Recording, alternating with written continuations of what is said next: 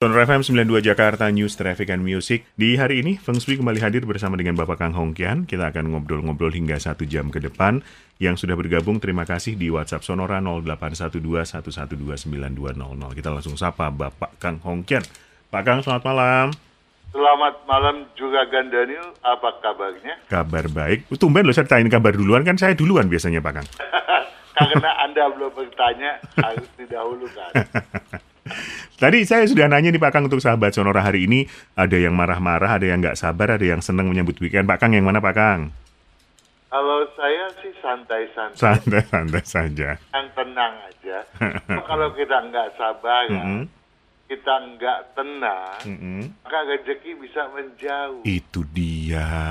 ya Kita tenang, Iya, kan? sesuatu dapat kita pikirkan dengan baik dan jelas. Betul. Kan kadang-kadang tidak semua dalam hidup kita dapat memenuhi semuanya ya Pak Kang ya. Ya begitulah, Ya kita kan? harus berpikir yang paling baik daripada yang kita mampu. Yes, setuju.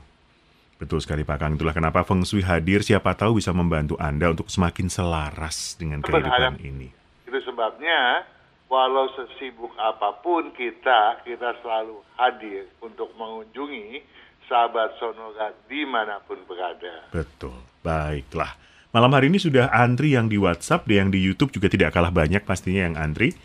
Makanya kita mulai. Mari kita mulai. Ada Endrika. Endrika. Ya, dia Oke. bertanya pada video kalau mau kaya dan sukses, buang segala hambatannya. Udah opennya belum? Ah, Waalaikumsalam Endrika. Mau tanya katanya, kalau rumah menghadap ke selatan, tetapi pintu semuanya menghadap ke timur. Ya, bagaimana tuh? Apa apa apa yang harus dikomentari Gagan Daniel? Waduh, ini dia. Ya kan? Gimana tadi Pak Kang?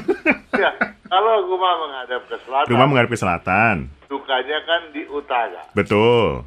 ya. Nah, kemudian pintunya menghadap ke timur. Aduh. Nah, kalau selatan di depan, utara di belakang, timur tentu di sebelah kiri dong ya. Utara di depan. Ya. Iya, timur di kiri, Depan. betul. Selatan di depan, ya. Utara di belakang, Oh, selatan di depan. Oh iya, di sebelah kiri timurnya, betul. betul kan? Heeh. Nah, tentu saja tidak ada masalah dong.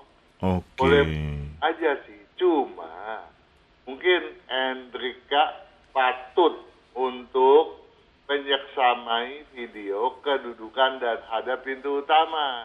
Kenapa?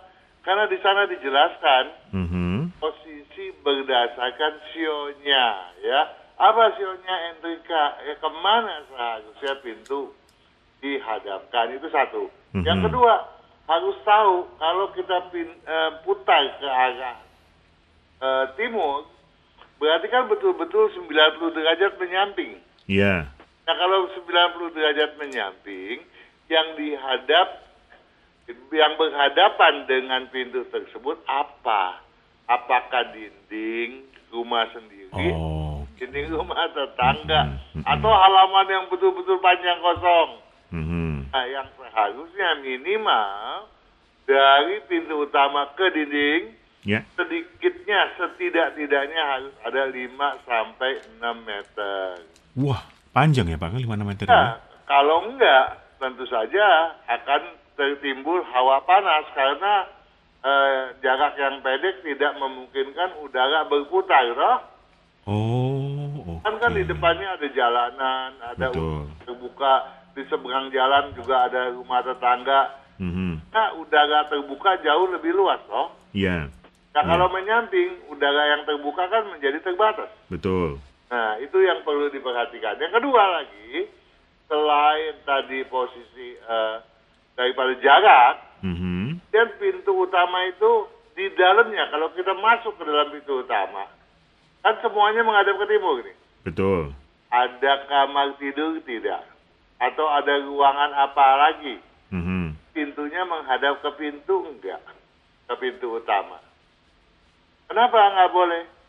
Karena kalau dia itu pin- eh, ruang tidur yang berhadapan dengan pintu ruang tidur yang berhadapan dengan pintu utama, Mhm. Itu saja akan mengakibatkan pembogosan yang luar biasa di mana orang yang berpiutang nggak mau bayar atau bahkan seringkali kecurian itu terjadi bisa berulang kali ya Oh, oke. nah, kalau kalau Kalau bukan ruang tidur tetapi ruang lainnya mhm, dapur tentunya misalnya. kan nggak boleh lebih Mhm.